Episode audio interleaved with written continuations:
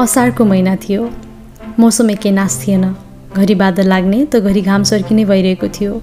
सन्तोष बिहान बिहानै तयार भएर कार्यक्रम छ भन्दै घरबाट निस्केको थियो। घरमा भने भोलिपल्टको धान रोपाइँको तयारी चलिरहेकाले सन्तोषका बाले आली मिलाउने छेउकुना खन्ने गर्दै थिए। यता आमा भने खाजाको जो गर्दै थिइन्। अनि एका बिहानै निस्केको छोरो अझै आइपुगेन भन्दै भुटभुटाइ पनि रहेकी थिइन्। टुप्रुकको छोरो आइपुगेको देखेर उनले भनिन् ऊ आयो।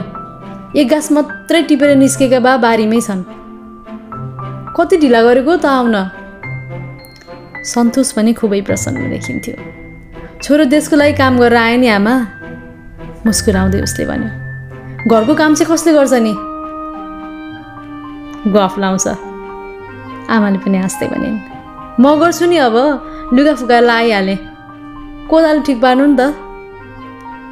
काँधमा कोदालो र हातमा आमाले थमाइदिएको खाजा बोकेर सन्तोष पारीतिर लाग्छ। छोरो आफूतिरै आइरहेको देखेर असिना पसिना भएका बाले सुस्केर मार्दै बल्ल आइस भन्दै ढाड सोझाउँछन् यतिका वर्ष छोरो विदेश अहिले नि कार्यक्रम भन्दै हिँड्छ। बुढा बाउले कति कोदालो खन्नु? बाले टाढेबाट भन्छन्। बाका शब्दहरूको मनसाय बुझेर सन्तोषले भन्छ धरतीको सेवा त भाग्यमानले गर्न पाउँछ नि। आयो छोरो पनि धरतीको सेवा गर्न। बाबा विदेशमा त फ्याक्ट्रीतिर बात पनि मार्न सिकाउँछन् कि के हो? यति भनेर दुवैजना गलल्ल हाँस्छन्। ल बा पानी खानुहोस् हाँसोको फोरा नरोकिँदै सन्तोषले भन्छ। ल पानी खाजा एकैचोटि खाने अब। तैँले नि खाएको होला के अरे यति भन्दै बाटुक्रुक्कै हालीमा बस्छन्। किन मुखमै घाम पर्ने गरी बस्नु भएको हो र? खाने बेलामा त कैदीले नि सुख पाउँछन् भो जाउँ त्यो रुखको मुनि गएर बसौँ छारीमा। यति भनिसकेर दुवै बारीको डिलको रुखतिर लम्कन्छन्। मलाई त हाम्रो गाउँ कस्तो शिक्षित भयो जस्तो लाग्यो बुवा। यत्रो वर्षपछि आएको विदेशबाट अब धेरै पछि गाउँको सभामा भाग लिएको भएर हो कि कस्तो सचेत भइसकेछन् यहाँको युवा। त्यसै बखत सन्तोषले बालाई हर्षित मुद्रामा भन्छ। बुवाको जवाफ नकुरिकनै ऊ फेरि बोल्छ। अझ निर्मल अङ्कल हुनुहुन्छ नि बुवा? उहाँलाई स्थानीय जनप्रतिनिधिमा चुनेर राम्रो गरिएछ। उहाँ जस्तो असल यस्तो जागरुक मान्छे यति स्पष्ट वक्ता उहाँका कुरा चित्त नपार्ने आज कोही थिएन के सभामा? उहाँबाट त मलाई पनि केही राम्रो गरौँ भन्ने यस्तो ऊर्जा मिलेको छ नि। बाले टाउको हल्लाइरहे केही जवाफ दिएनन्। रुख्ने र पुग्ने बेला बाटक्क अडिएर रुखतिर हेर्दै थिए सन्तोषलाई के नमिलेको के नमिलेको जस्तो लाग्यो। डिलमै पुगिसकेपछि सन्तोषले भन्यो बा हामीले सानोमा आलीको घाँस काट्दा उत्तरबाट सुरु भएको आली दक्षिणमा ठ्याक्कै यही इपिलको रुखमा ठोक्किएको चाहिँ लाग्थ्यो त। अहिले त लगभग यो इपिलको रुख त दुई तिन बित्ता नै पर छ त। के हो र?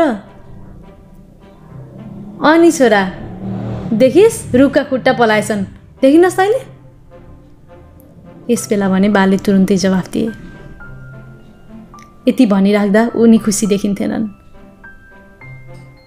ल ल खाजा खाम भोग छ। बाले भने यता सन्तोषको भने मन मानेन। अघिसम्म हर्षित उसको मुद्रा अलमल्ल र अँध्यारो हुँदै गयो। उसले बालाई सोध्छ बा यो बारीको सदियार तिनी निर्मल अङ्कल होइनन् र? उसलाई निर्मल अङ्कल नै सदियार हुन् भन्ने थाहा थियो। तैपनि उसले बालाई सोध्यो बिहानैदेखि उनको व्यक्तित्वले प्रभावित भएको सन्तोषलाई तिनै अङ्कलले यसरी आफ्नो साथ मिचेको देखेर साह्रै चित्त दुख्छ।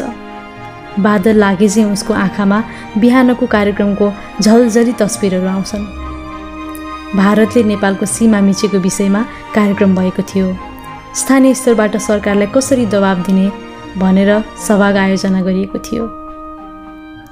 सभाबाट देश जोगाउँछु भन्दै फर्केको सन्तोषलाई आफ्नै बारीको आली देशको सीमा स्तम्भ जस्तो भानुहुन्छ। पद र प्रतिष्ठाको धाक लगाउँदै बाहिर ठुला ठुला कुरा गर्ने तर आफ्नै निजी जीवनमा आफ्नो छिमेकीमा यस्तो व्यवहार देखाउने सदियार निर्मल अङ्कल सन्तोषलाई भारत जस्तो लाग्छ।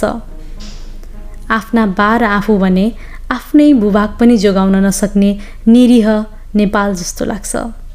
मिचिँदै गएको कान्लो पातलिँदै र धकेलिँदै गएको आली उसलाई लिपुलेक कालापानी र लिम्पियाधुरा जस्तो महसुस हुन्छ।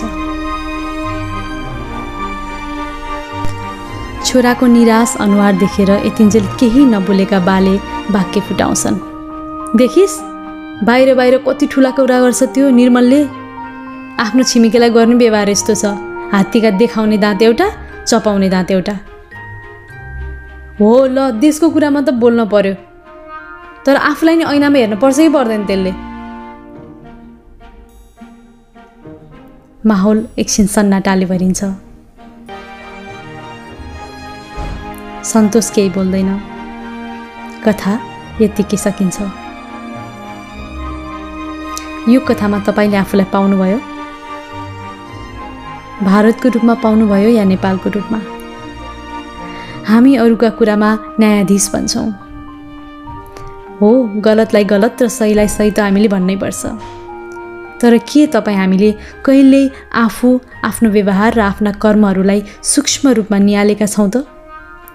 आफूभन्दा निर्धालाई मान्छे नगर्ने हेप्ने उनीहरूका कुरा नसुन्ने उनीहरूको निरीहपनको फाइदा उठाउने र शोषण गर्ने गरेका पो छौँ कि? यो सानो कथाले तपाईँ हामीलाई आफ्नो र देशको लागि अटल भएर लड्ने साहस प्रदान गर्नेछ भन्ने मेरो आशा छ।